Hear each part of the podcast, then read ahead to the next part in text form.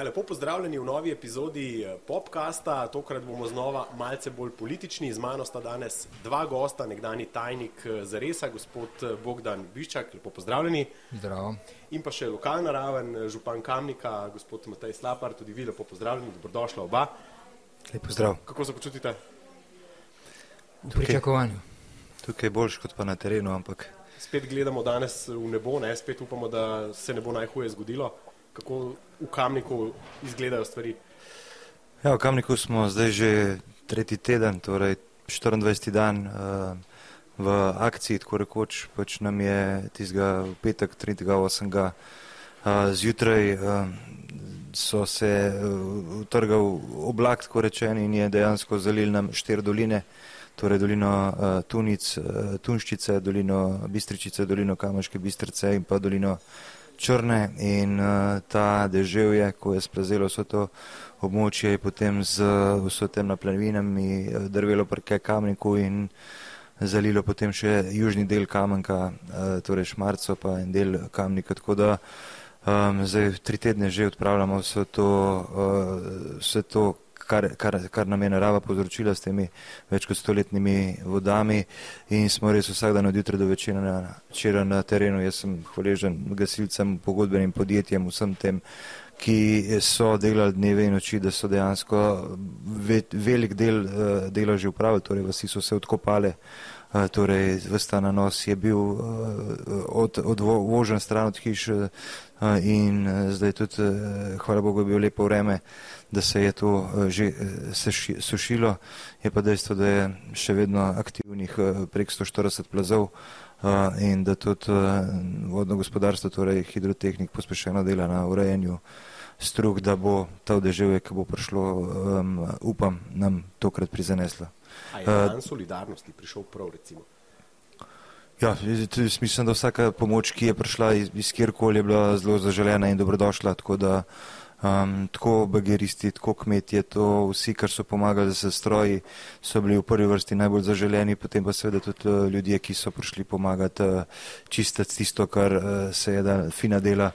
Um, tiste, ki se ni da zbagri stroji na veliko, torej vsi ljudje so bili dobrodošli in smo jim res hvaležni, da ste prišli pomagati v naše kraje. Še najbolj seveda smo pa hvaležni tudi vsake finančne pomoči, katera se je tudi um, nabirala na transakcijskem računu Karita strani. Tako da vsaka pomoč finančna in tudi z rokami in bagarov in kmetov in sem je bila, da mi je zelo prišla prav, tako da iskrena hvala res vsem. Zdaj, spoštovana gosta, bi se pa z vama rad pogovarjal še o nečem drugem in to je recimo političnem efektu um, teh poplav. Um, gospod Biščak, um, videli smo zadnjo anketo medijane, um, recimo dve ugotovitvi, skaj, pa tri ugotovitve skačajo um, iz običajnih podatkov, to je precejšen skok uh, priljubljenosti vlade, znova ima čez polovično podporo, pa deva začeti tu. A lahko tle govorimo o direktnem efektu poplav? Um, in nekako reak, prvi reakciji, seveda, vlade na, njo, na njih. Gotovo. Tam, mislim, da ni nobenega dvoma. E, nekoliko cinično bi lahko rekel, ne, e, pa ne želim biti ciničen, ampak v resnici je vlada dobila drugo priložnost. Moje mnenje je bilo namreč, da, da je zelo malo verjetno, da jo bo dobila. Ne.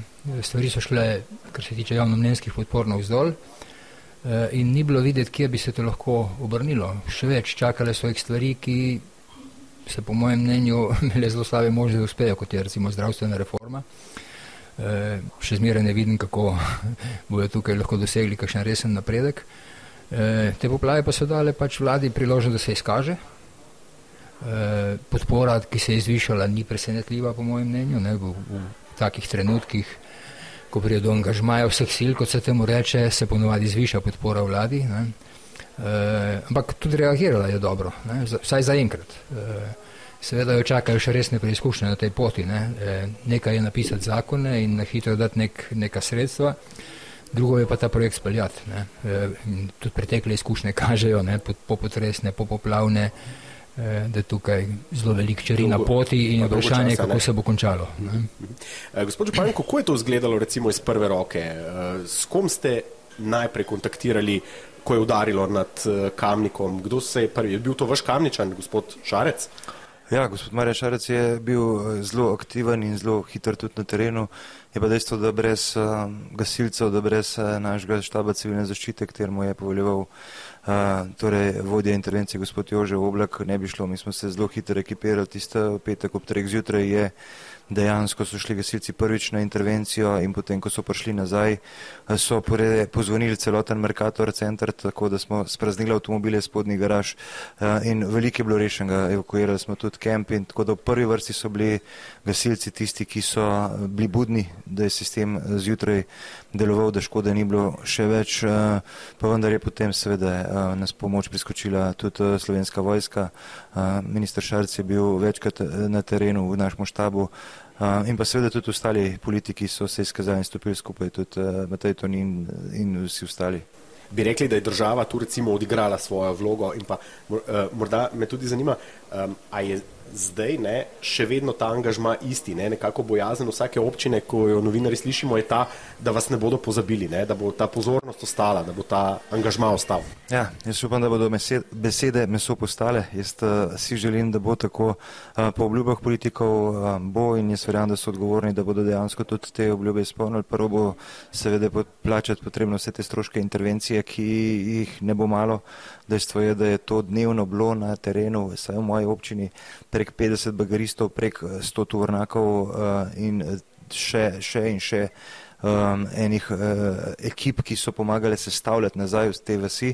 Um, to bo prva, prvi del, te drugi del, ki bo pa še pomembnejši, pa je to, da se ne dejansko naredi preventivna sanacija, torej poglobitev strug, da se naredijo, se pravi, brežine dovolj visoke, da se naredijo zadrževalniki, da se naredijo sanacije vseh teh dolin, ki so pa nas spremenili obliko, torej da se naredijo nove cestne povezave in tudi eh, vodo sprav v struge, to bo pa proces, ki bo zelo pomemben za prihodnje. Vedeti moramo, da vsi ti ljudje, ki živijo na teh področjih, so po tem deževju zelo uh, v, v stiskah, kajti nikoli ne vejo, kdaj bo, jih bo to zopet doleteli. In že danes je slaba napoved, zdaj pospešeno so uh, delali, uh, se pravi, koncesionar na vodotoku, državni koncesionar in tudi na vseh teh kritičnih točkah smo namestili stroje. Jaz verjamem, da bo nam tokrat vreme prizaneslo, da ne bo spet stoletnih voda. Um, in, in še bolj bo pa pomembno, da tako kot rečeno, da ne bomo pozabljeni, da bodo namenili zadostna sredstva. Mi na občini smo vse nenujne stvari ustavili in preusmerili denar, uh, pre, predlagamo preusmerjanje denarja v sanacijo teh dolin in podobno. Verjamem, da bo tudi na vladi ali bo dobila dodatne vire financiranja, torej za uh, Evropske unije ali pa mogoče tiste nenujne v tem trenutku jih preusmerila v to, da te doline, da tudi tem občankam, občanom, državljankam, državljanom eh, nekako omogočimo normalen življenje in pa um, saj s tistimi ukrepi, ki so, torej zavarujemo njihovo imetje in da bodo lahko mirno spali v prihodnje. Celo Šarl Mišel ne, se je včeraj ustavil v vaši občini. Uh, gospod Biščak, um, še ena recimo opazna Upazen skok tega meseca pa je skok, recimo, tu govoriva o lestvici politikov Janeza Janše. Uh, videli smo, spremljali smo, um, nekako je umiril politično retoriko, prijel za lopato, šel na teren med ljudi, efekt je najvišji skok uh, tega meseca, poleg da nimo tudi gospoda Šarca kot nekako prvega vladnega operativca. A ta recept deluje očitno? Ja, to je bilo, če sem prej rekel, no, da vladni skok ni presenetljiv, e, Janšo pa je. Ne? Eh, ampak tisto, kar preseneča, ni to, da je prijel za lopato, ne, vsi so se trudili s temi lopatami in umazanimi čevlji, eh, škorni pravzaprav, ne, pred kamerami, če bi se brez kamer bi bolj verjel temu trudu. Eh, ampak tisto, kar presenetilo, je njegov nastop, ne, oziroma njegova spravljivost in njegov odpoved konfliktni politiki do vlade, izrazito konfliktni, ki je v tej zgodbi naredil. In mislim, da je to, ne pa lopata. Ne, eh, glavni razlog za, za njegov skok. Skratka, zelo pametno je ocenil, da v tem trenutku s konfliktno politiko lahko samo izgubi. E, tako pa je uspel zadržati ta mrtvi tek z e, svobodo e, in opraviti svoj velik osebni skok na vzgor. Ne. Vemo, da je že dolgo med predvsej nepriljubljenimi politiki na teh lestvicah. Tokrat je naredil to, kar je enkrat že, mislim, da pred volitvami 2004. Ne. Tako je predvsej dlje časa to traja. Ja, ja. No, bomo videli, koliko časa je zdaj. Ta sprava je zagotovo navidezna oziroma kratkotrajne narave. E, koliko časa bo trajala, pa je odvisno od marsičesa, predvsem pa od tega, kako boste mediji spremljali to zgodbo z obnovo. E, prej ste govorili o tem, ali bojo pozabili, ne ste vprašali e, gospoda župana, e, politiki na, na zadevo. E, pozabili bodo, če boste vi pozabili, ne? mediji. Tisto, kar drži politike v nekih zgodbah, ste mediji. To, to je zelo podobna ja. teza, ki jo je gospod Janša tudi v našem studiu pred kratkim povedal. No? Res? Evo, sva podobna analitika. um, me pa še nekaj zanima. Um, ka, recimo, uh, skok je jasen. Ne? Tako kot ste rekli, zadnje mesece je bil precej um, uh, pri dnu te lestvice, zdaj skok na vzgor. Um, kaj pa teza, da je preprosto, recimo, videli smo, da le, leve stranke nekako v času COVID-a, če malce primerjamo obe krize, vemo, da jasno stvar ni čisto primerljiva, ne? um, nekako niso dajale um, tega političnega miru tedajni vladi, vaši, no, NSJ-evi, recimo. Um, a tu igra desnica drugače, teza. Ali je tu desnica bolj državotvorna pri teh stvarih? No, nedvomno je, da desnica tokrat igra drugače, kot je takrat igrala eh, opozicijska stran, ne bom rekel levica, ker je bila samo ena leva stranka. Ja, vmes, štiri, ne? Ne? Ja. Eh, ampak tudi, kot ste rekel, razmere so drugačne. Eh, če je tam šlo za vladne ukrepe, ki so pri marsikom, ne samo pri opoziciji, ne, zbujale kontroverzne občutke in, in nasprotovanja, ne na zadnje tudi odločitve ustavnega sodišča, so kasneje pokazali, da so bili ti ukrepi izjemno sporni. Ne. E, gre tukaj za ukrepe, ki jih pa res lahko vsi podpremo, vsaj za enkrat. Ne, kot sem rekel, se vlada je odreagirala dobro, hitro, e, šele v nadaljevanju se bo pokazalo ali tudi konsistentno, bo znala držati to, to pozicijo ali ne. E, ampak kot rečeno, razmere so bile zelo različne. Ja, da, definitivno. Se prečujem, ko jih pogledaš. Jaz uh, sem tudi na tiste ukrepe takrat gledal kot zelo uh, take, ki so državljankam državljanom pomagali, da se ni bolezen širila in takrat je cela Evropa recimo tako reagirala, ampak takrat je del politike res zelo uh, stopo kontra vsemu temu. Uh, in tudi mediji, uh, zdaj tukaj, hvala Bogu, v tej krizi se ne gre za igro, se gre res za pomoč kot ste rekli, kako igrajo. Jaz mislim, da imajo res dobre namene vsi, da pomagajo um, in ali fizično ali pa pač tudi z ukrepi. Tako da tako je treba, po mojem, v krizah stopati skupaj.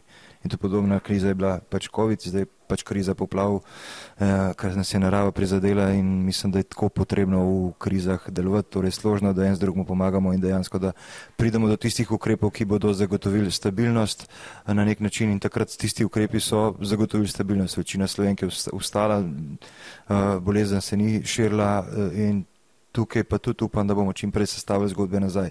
Ta intervencija je bila zelo učinkovita, uh, smo vsi stopili skupaj, verjamem, da nas bodo slišali tudi čez mesec, dva, tri, ko bomo mogli graditi nazaj vse te zgodbe.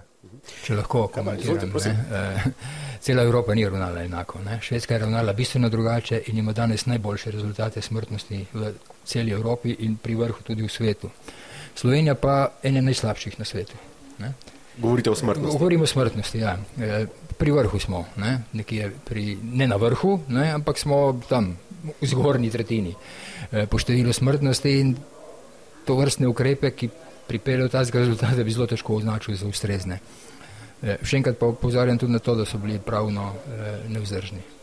Tule vidim, da se ne boste strinjala, ampak nič hudega. Kaj pa pravzaprav ena podobna teza? Kaj pa teza, da če znova primerjamo te dve krizi, da tokratna oblast nekako malce bolj umirjeno vodi to krizo. Se strinjate, gospod Župan? Um, manj, manj nekako izrednih razmer, manj nekako vključevanja, eh, pre, prepuščajo nekako um, ključno vlogo um, strokovnim ljudem, civilni zaščiti, ne na zadnje, um, občinam. Ma, imate ta občutek? Uh, Jaz uh, mislim, da tudi takratna vlada je tako ravnala, ustanovili so strokoven štab, ki je pod vodstvom Rahovnika, ki je pripravljal ukrepe in mislim, da so bili ukrepi na gospodarskem in na vseh področjih res pravi, ki so pač zagotovili tudi gospodarsko rast, napredek države, kljub vsej tej krizi. Uh, jaz verjamem, da bomo kos tem izzivom, ki jih imamo danes tudi uh, v tem trenutku. Torej, jaz sem že enkrat predlagal tudi podobno skupino, ki bi dejansko usmerjala ukrepe vedeti, moramo, da na področju naše občine recimo um, se je 50% turizma zgodilo v avgustu, ko so šli ljudje v hribe in so tam, zdaj cel avgust je zgubljen, ne, zdaj na nek način, ali bomo deležni, bodo podjetja deležna teh nekih ukrepov, upam, da bodo ne, in teka neka skupina usmerjevana bi bila gotov. A, dobrodošla, verjamem pa, da bodo tudi brez e, skupine e, najdel tiste prave prijeme, da bodo to stvar um, pomagali nam rešvati in do danes, zaenkrat mislim, da delajo vrhunsko dobro in verjamem, da bo ta tempo nadaljevali, da bo se ta sanacija dejansko lahko potem tudi v prihodnih tednih, mesecih eh, in najbrž tudi letih lahko zgodila. Za vse bojo pa potrebna sredstva, pa se prav tudi eh, strokovni, kompetentni ljudje, ki bodo usmerjali delovanje in pa zgradnjo vseh teh eh, novih vodotokov, novih cest in tako naprej. Recimo, ko govorite o gospodarstvu, ne, so prvi ukrepi kar zelo copy-paste tistega, kar smo videli. Sej logično, ne, čakanje na delo, pomoč drugače se verjetno ne gre. Ne? Najbrž, da je tist, izkušnja tista bila eh, v redu in da dejansko treba podobne eh, metode obrati tudi v tej krizi, ki upam, da bo trajala manj časa, kot je tista, ki se je kar ponavljala iz leta, iz meseca v mesec, leta v leto. Mhm. Mimo grede, sam, ker ste omenili hribe, ne? sam sem med tistimi, ki so zelo veliko v teh hribih. Eh, kdaj bo svet možno v Kamniško bistrico, se kaj ve? Jaz upam, da ta teden naredijo eh, cesto tako prevozna. Dejstvo je, da se vedno znova kažejo nove poškodbe cestišč in zato pač eh, neke jasne časovnice ni možno dati. Verjamem pa, da se bo to uh, v tem tednu uredil, kajti vemo, 1.9. je v petek in takrat se začne šola in mi moramo imeti uh, dostop do uh, vseh hiš tudi za avtobuse in verjamem, da v tem tednu pospešeno uh, uredimo te najbolj nujne prometnice tudi za avtobuse in za vse ostalo uh, mehanizacijo, da se odprejo. Super. Super. Eh, gospod Biščak, kaj pa ta teza nekako o um, bolj zmernem upravljanju krize? Jo vi čutite tako? Ma, jaz mislim, da gre tej vladi, tukaj moram pa kaj v zagovor prejšnje reči in reševanju tiste krize, vendar le gre v prid tu, da gre za neke, mislim, imamo civilno zaščito, imamo nek sistem ukrepanja ob naravnih nesrečah, ki je dolgo, dolgo desetletja star ne, in so se pač lahko osredotočili na te postopke, ki so že vnaprej urejeni, ve se, kako reagirati. Jasno, da je bila ta kriza izjemna in da zahteva tudi izjemen količino ukrepov, če ne drugega, ampak vendarle obstaja nek nabor, za katerega se ve, kako postopati, medtem ko prejšnji vsega tega ni bilo. Ne. Pri COVID je bil prva taka, ne samo v Sloveniji, ampak e, svetovno gledano in so iskali. Ne. In če seveda se strinjam, da so na področju gospodarstva bili ukrepi ustrezni, na zdravstvenem področju absolutno niso bili. Uh gospod Bišček, um, Kaj pa, eh, če vzamemo tezo, recimo, da, je, eh, da so poplave COVID te vlade, ne, nekako ta osrednja kriza, eh, ki jo morajo reševati. Kaj pa, prej, prej ste že malo omenili, da ste skeptičen glede drugih reform. Kaj pa to pomeni za druge reforme? A si je tu, recimo, zdravstvena, seveda je tu v, v nekako v spredju, a si je tu zdaj vlada kupila nekaj časa, a, lahko, a si lahko privošči, da na nje povsem pozabi, a lahko recimo kakšne črta z dnevnega reda in ostane samo pri recimo enih, dveh ključnih. Videli smo, da nimo, da recimo reforma plačnega, um, plačna reforma javnega sektorja je že zamaknjena za eno leto. In to brez glasu proti. Tako, celo sindikalnega. Tudi medijskega ne? glasu Tako. proti. In sindikalnega. ne, tukaj bi se vrnil na prejšnjo tezo, ne, da je to, ali bodo ostale reforme pozabljene, ne spet v prvi vrsti odvisno od vas. Ne od medijev, koliko boste tudi vi pozabili na. Jaz domnevam, da ne boste pozabili, ne? Da, da ko se bo to stanje nekoliko mirilo, se bodo vrnile na dnevni red ne? E, in kolikšno vlogo bodo igrali v primeri s temi poplavami, je seveda danes ta trenutek težko napovedati. Prej sem že rekel, da so dobili drugo priložnost. Ne? E, koliko je bodo izkoristili in koliko bodo te prve priložnosti, ne, ki so jih zamudili, še vplivali na končni eh, rezultat ocene dela te vlade, pa si ne bi upal napovedati.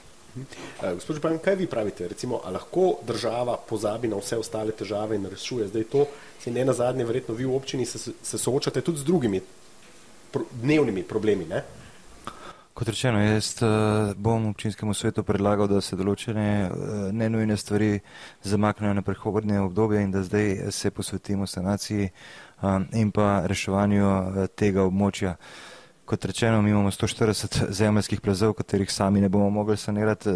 Zdaj imamo uh, uničene cestno infrastrukturo, tudi uh, struge. Zdaj, tukaj brez nekega jasnega fokusa države, da bo pač namenila zadostne količine denarja in tudi uh, na nek način uh, kadrovsko um, uredila te stvari, torej da bo postavila neke uh, fokusne skupine, ki bodo uh, reševali posamezna porečja.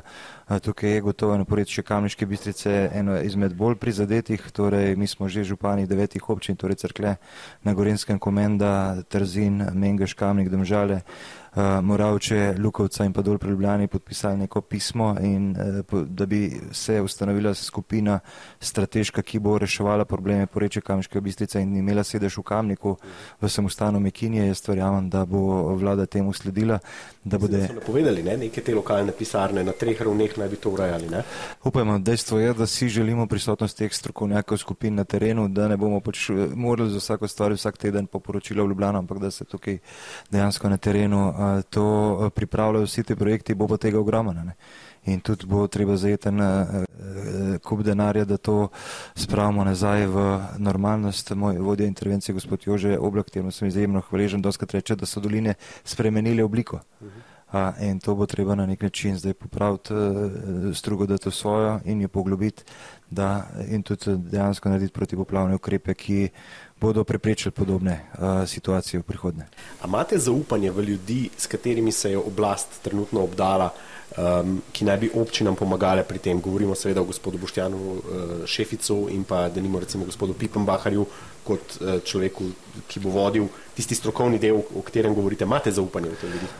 Gotovo, to so strokovnjaki, ki imajo svojo kilometrino, je pa dejstvo, da bo potrebno pri sanaciji vsega tega področja pozabiti na vse tiste ki so do zdaj uh, diktirali tempo. Če se karikiram, uh, spoštovanjem do vseh naravovarstvenikov in do vseh, uh, ki so imeli uh, svoje področja, bo zdaj pač treba, da človeka in pa človeško uh, imovino, torej hiše, uh, v uspredje. In mi moramo zavarovati človeka, njegovo, um, kar je ustvaril, ne pred vsemi metulčki uh, in uh, tako naprej. Uh, in tukaj bo potrebno uh, najti resen pameten kompromis, da kljub vsem soglasodajalcem, ki so bili prej soglasodajalci, pač naredimo določene ukrepe za to, da zavarujemo človeška življenja in da zavarujemo to, kar so ljudje ustvarili, torej hiše, uh, gospodarstvo in uh, svoje življenje na konca. Ne.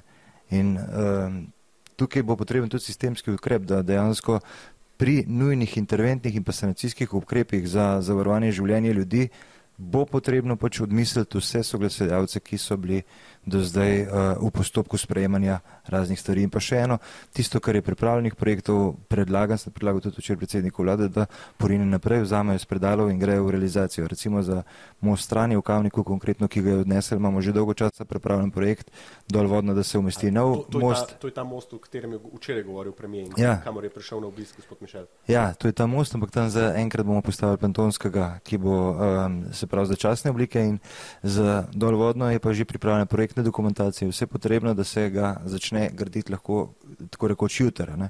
In vse te projekte bo potrebno vzeti iz omar in jih čak, takoj iti v realizacijo. Ravno tako cesta proti Črnivcu je že sprojektirana in so že pripravljeni v času uh, um, ministra Vrtovca, so pripravili dokumentacijo za uh, izvedbo rekonstrukcije te ceste.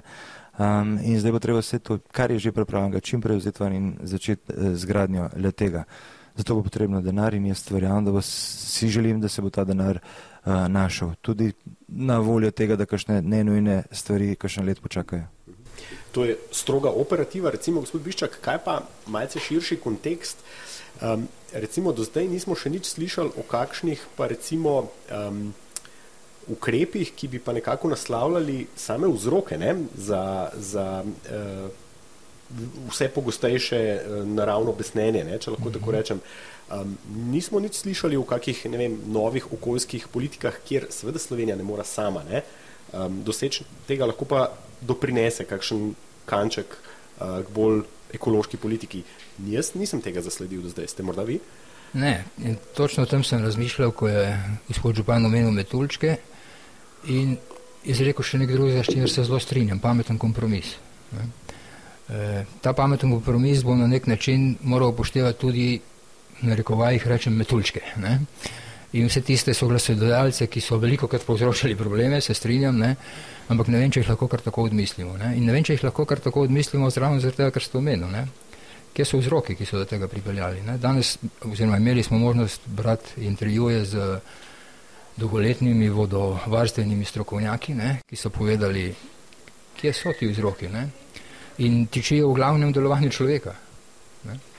In če se bomo tokrat osredotočili izključno na to, ne, kaj ne naredimo za te ljudi, ki so utrpeli te nesrečo eh, in zanemarili vse ostalo, bomo šli po isti poti, po kateri smo hodili do sedaj. Ne. Potreben bo, še enkrat ponavljam vaše besede, gospod Župan, pameten kompromis. Eh, ali ga bo ta oblada in ta Evropa ne, eh, in ta svet sposoben najti, sem pa zelo skeptičen. Zelo skeptičen. Mislim, jaz mislim, da poleg eh, kompromisa pač je zelo jasno, kaj treba poglobiti struge, narediti dovolj visoke brežine, narediti zadrževalnike in pa dejansko narediti neke blokade, da ta podori uh, ne prihajajo v vasi in na teh podorih pač narediti zavor. S posledicami, ne z vzroki. Ja, bo tudi vzroko, pote, mislim, če bomo naredili. Zad... Redu, razumem, ampak če ne bomo. Če ne, kaj pa vzroki? Sam, če ne bomo za, za, naredili zadrževalnike in, in jih redno praznili, pač bo ta šodar spet prišel dol. In tukaj ne gre za nič drugega drugega kot poglabljanje struk in vse te ukrepe in zato rabimo denar, stroje, mehanizacijo in čim prej uh, v to zagrist.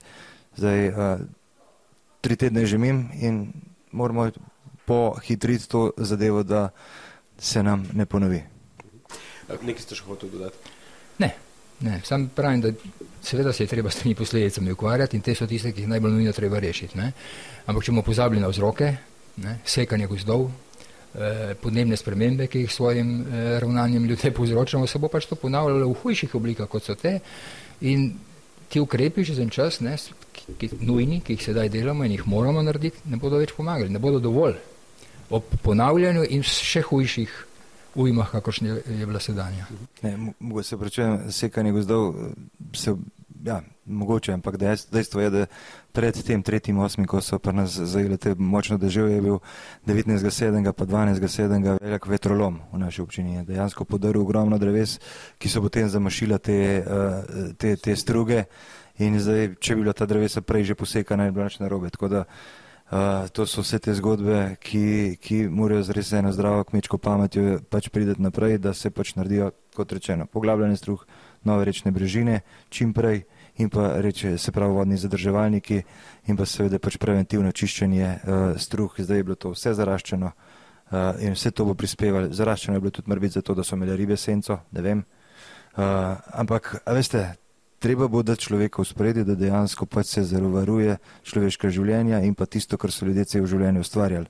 To je bilo zdaj ogroženo v naši občini, žal par hiš uh, je uh, trajno um, jih bo treba pač uh, se pravi uh, na nek način uh, zgraditi na novo.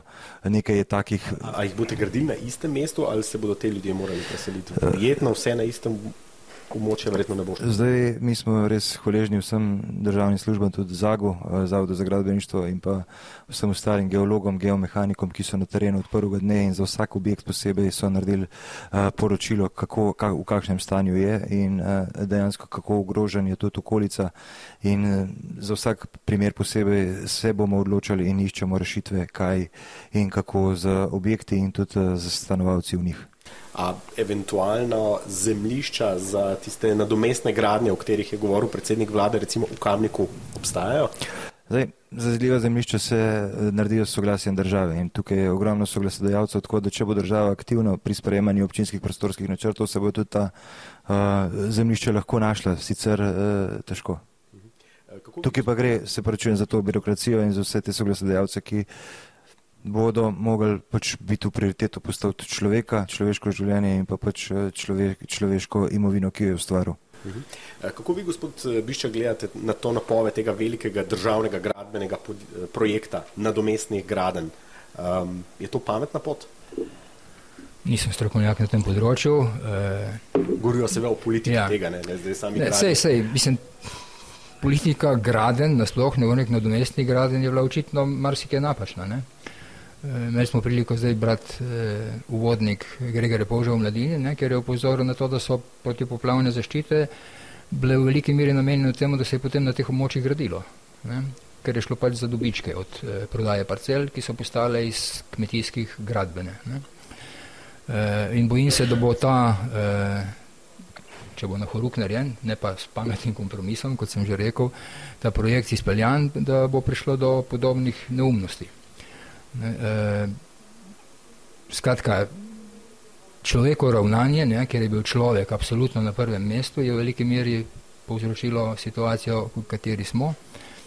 E, tudi tista drevesa, gospod Župan, če bi jih prej posekali, bi povzročila to, da bi se voda hitreje stekala e, v struge, kakor se steka v primeru, ko gost zadržuje to vodo, ne, kot so nam povedali vodovarstveni strokovnjaki. E, skratka, potrebno je nekaj ne samo kmečke pameti, ampak tudi strokovne pameti, ne, ko se te stvari ureja in rezultati bodo boljši, kot uh, so bili do sedaj.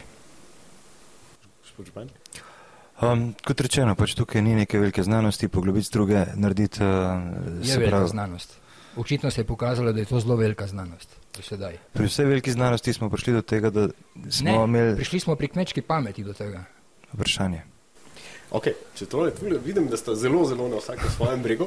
Pa če to morda samo presekamo še z, enim, e, še z eno zaključno analizo, pa se malce vrnemo spet na politiko, tu me zopet zanima seveda mnenje obeh, je dogajanje v levici.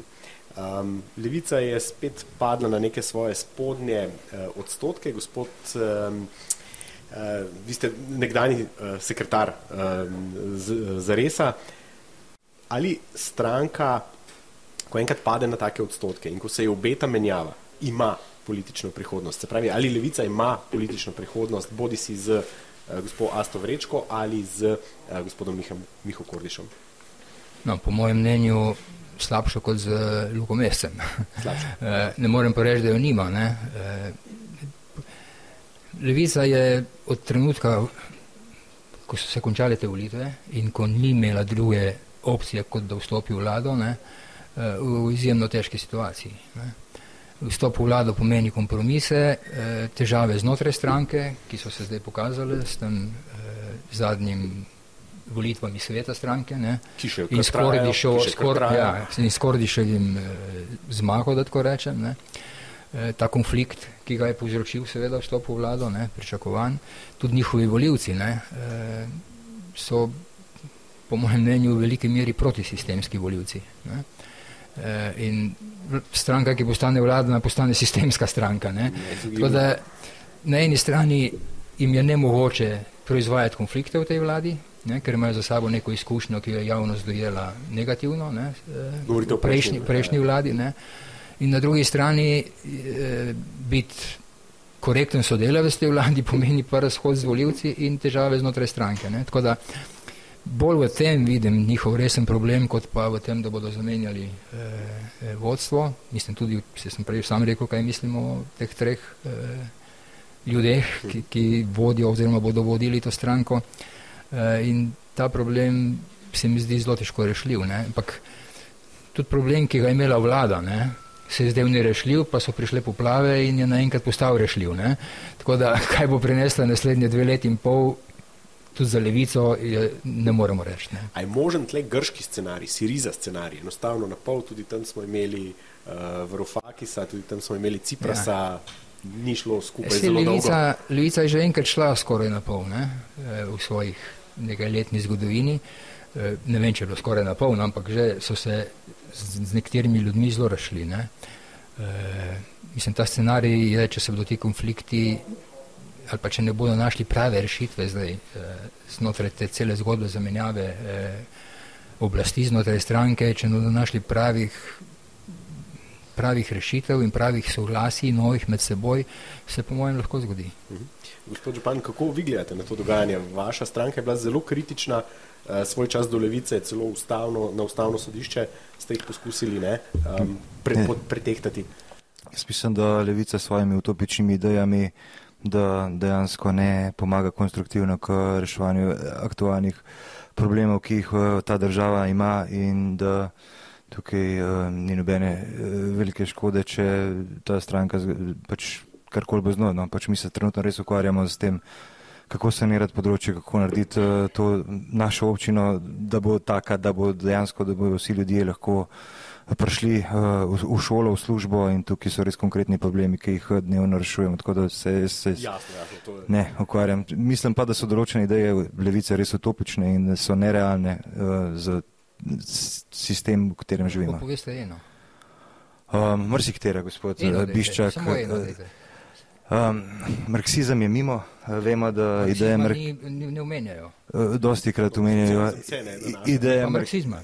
Ideje marksizma omenjajo, ideje tega, da bo, uh, dajte tukaj, dejansko more biti tisti, ki dela in ki je uh, priden nagrajen. In tam, uh, žal, rekli, da ne sme biti kdaj. ideje so doskrat zgrešene. No. Naprimer. Kot rečeno, ideje marksizma, ideje ideje njih. totalitarizma, ki jih zagovarjajo, programu, seveda jih. Totalitarizma. Ja, tudi uh, ideje poveličujejo, tudi ideje komunizma in tako naprej. Poveličujejo ideje komunizma. Kak Ja. primer? Ja, vse jih vidite veliko krat, pač marsi kdaj hodijo. Ne, po- ni primera, dobro. Morda, morda samo še to. Eden se pravi od scenarijev predvideva tudi, da Miha Kordiš prevzame to stranko. Si to predstavljate, gospod Župan, in si to predstavljate, gospod Biščak, kaj bi dobili? Jaz mislim, da to ni državotvorno, da državotvorni programi so tisti, ki pomorejo k skupnosti, da bo naša država uspešnejša, da bo, bo bogatejša, da bojo ljudje imeli blagostanje in to ideje, ki jih zagovarja levica, po mojem, niso. Ja, s Kordišem na čelu je gotovo perspektiva eh, levice slabša kot pa z Lukom Mesem ali pa z Asto. Eh, ne vidim, no, da bi lahko njegov način nastopanja, ki je doskrat konflikten in, in težko razumljiv, marsikomu pripeljale eh, to stranko kam naprej. Eh, še enkrat pa mislim, da je tisto, kar sem prej povedal, eh, težje eh, rešljivo kot pa problem enega Kordiša. Ne. Eh, še nekaj bi rekel, ne, da, no, Slovenija, ok, razumem, da se ne strinjate z idejami levice, ne, ampak na nek način je v zelo podobnem položaju kot levica. Ne. Eh, v senci Janeza Janše ne, in, in SDS-a pravzaprav nima pametnih opcij. Ne. Tako kot levica, sem rekel, od trenutka, ko so se te volitve končale, so se za njih pametne opcije končale. Imeli so jih pred volitvami. Ne. No, Slovenija je pa v situaciji, ko se gre lahko politiko, kot se jo gre sedaj, eh, z kritiko, kritičnim relacijo do SDS-a in se je šla, ko je bila vodila Ljudmila Novak ne, in jim ni prinesla uspeha in se gre lahko politiko ostajanja v senci in, in eh, korektnega sodelavca SDS-a, ki jim tudi težko prinese uspeh. Ne. In na nek način so pravim, oboji v nekem pad položaju, ki bi med njimi lahko prinesel več razumevanja, kot ga sicer kažejo eni do drugih. Se strinjate, župan? Uh, vendarle vidimo, da NSI ne, sodeluje tudi s to vlado ne, na določenih točkah ustavne spremembe, da nimo uh, tudi k- določeni položaji, vplivni položaji v državi. Kar je državotvorno, ne, da se razumem, ampak je prineslo pa uspeh ne, na volitvah, je pa drugo vprašanje. Po mojem mnenju ga ne bo. Jaz tudi mislim, da je po- povsod potrebno sodelovati, da je trebno pač eh, aktivno delati na tem, da se povezujemo, da sodelujemo, da pač eh, vse to. Slovenija je majhna država, dva milijona nas je in če ne bomo skupaj stopili, bomo dejansko težko a, veliki in tukaj pač vsako sodelovanje, jaz mislim, da, je- da, da, da je definitivno v redu in predvsem pač stranko sestavljajo ljudje in jaz mislim, da vsi ljudje oziroma vodilni tisti, ki so v Novi Sloveniji, ki so bili, da so vsi oddelali svoje takrat, ko so bili na pozicijah in da dejansko um, so sposobni uh, tudi državo voditi. In tukaj verjamem, da jim bo dana tudi priložnost na naslednjih volitvah in da bodo dejansko lahko pomagali tej državi, za kar se dejansko iskreno trudijo. Vemo, ko je bil minister Vrtovci, je dejansko pospešeno gradil vso to infrastrukturo, um, potem isto Matej Tonin na obramnem področju naredil velike premike um, na, za, za, za vojsko in tudi gospod Janez Cigler Klar je prvič začel v tem, da je potrebno uh, graditi domove za, za starejše, da je potrebno pač vlagati v starejše in uh, tukaj so bili gotovo rezultati vidni, uh, zdaj se bojim, da se je mrski ustavil, pa vendar še enkrat, jaz mislim, da moramo skupaj stopiti in v tej krizi iti ven močnejši in to bo lahko samo s sodelovanjem, ne pa z razprtijami. Spoštovana gosta, na tej točki zaključimo. Najlepša hvala za vajne misli, analizo, izkušnje. Um, ni nujno, seveda, da se vsem strinjamo, je pa fino, da se lahko o tem pogovarjamo. Da, hvala vam za obisk. Pika, se strinjam. In to je, to je čar demokracije, da dejansko se lahko mnenja krešujejo in da lahko vsak ima svoj pogled, na koncu se pa izkristalizira tisto najboljše. Če se. Če se. Tako, gledalci si ustvarite svoje mnenje. Najlepša hvala, še rokovanje za nasvidenje in hvala za pozornost.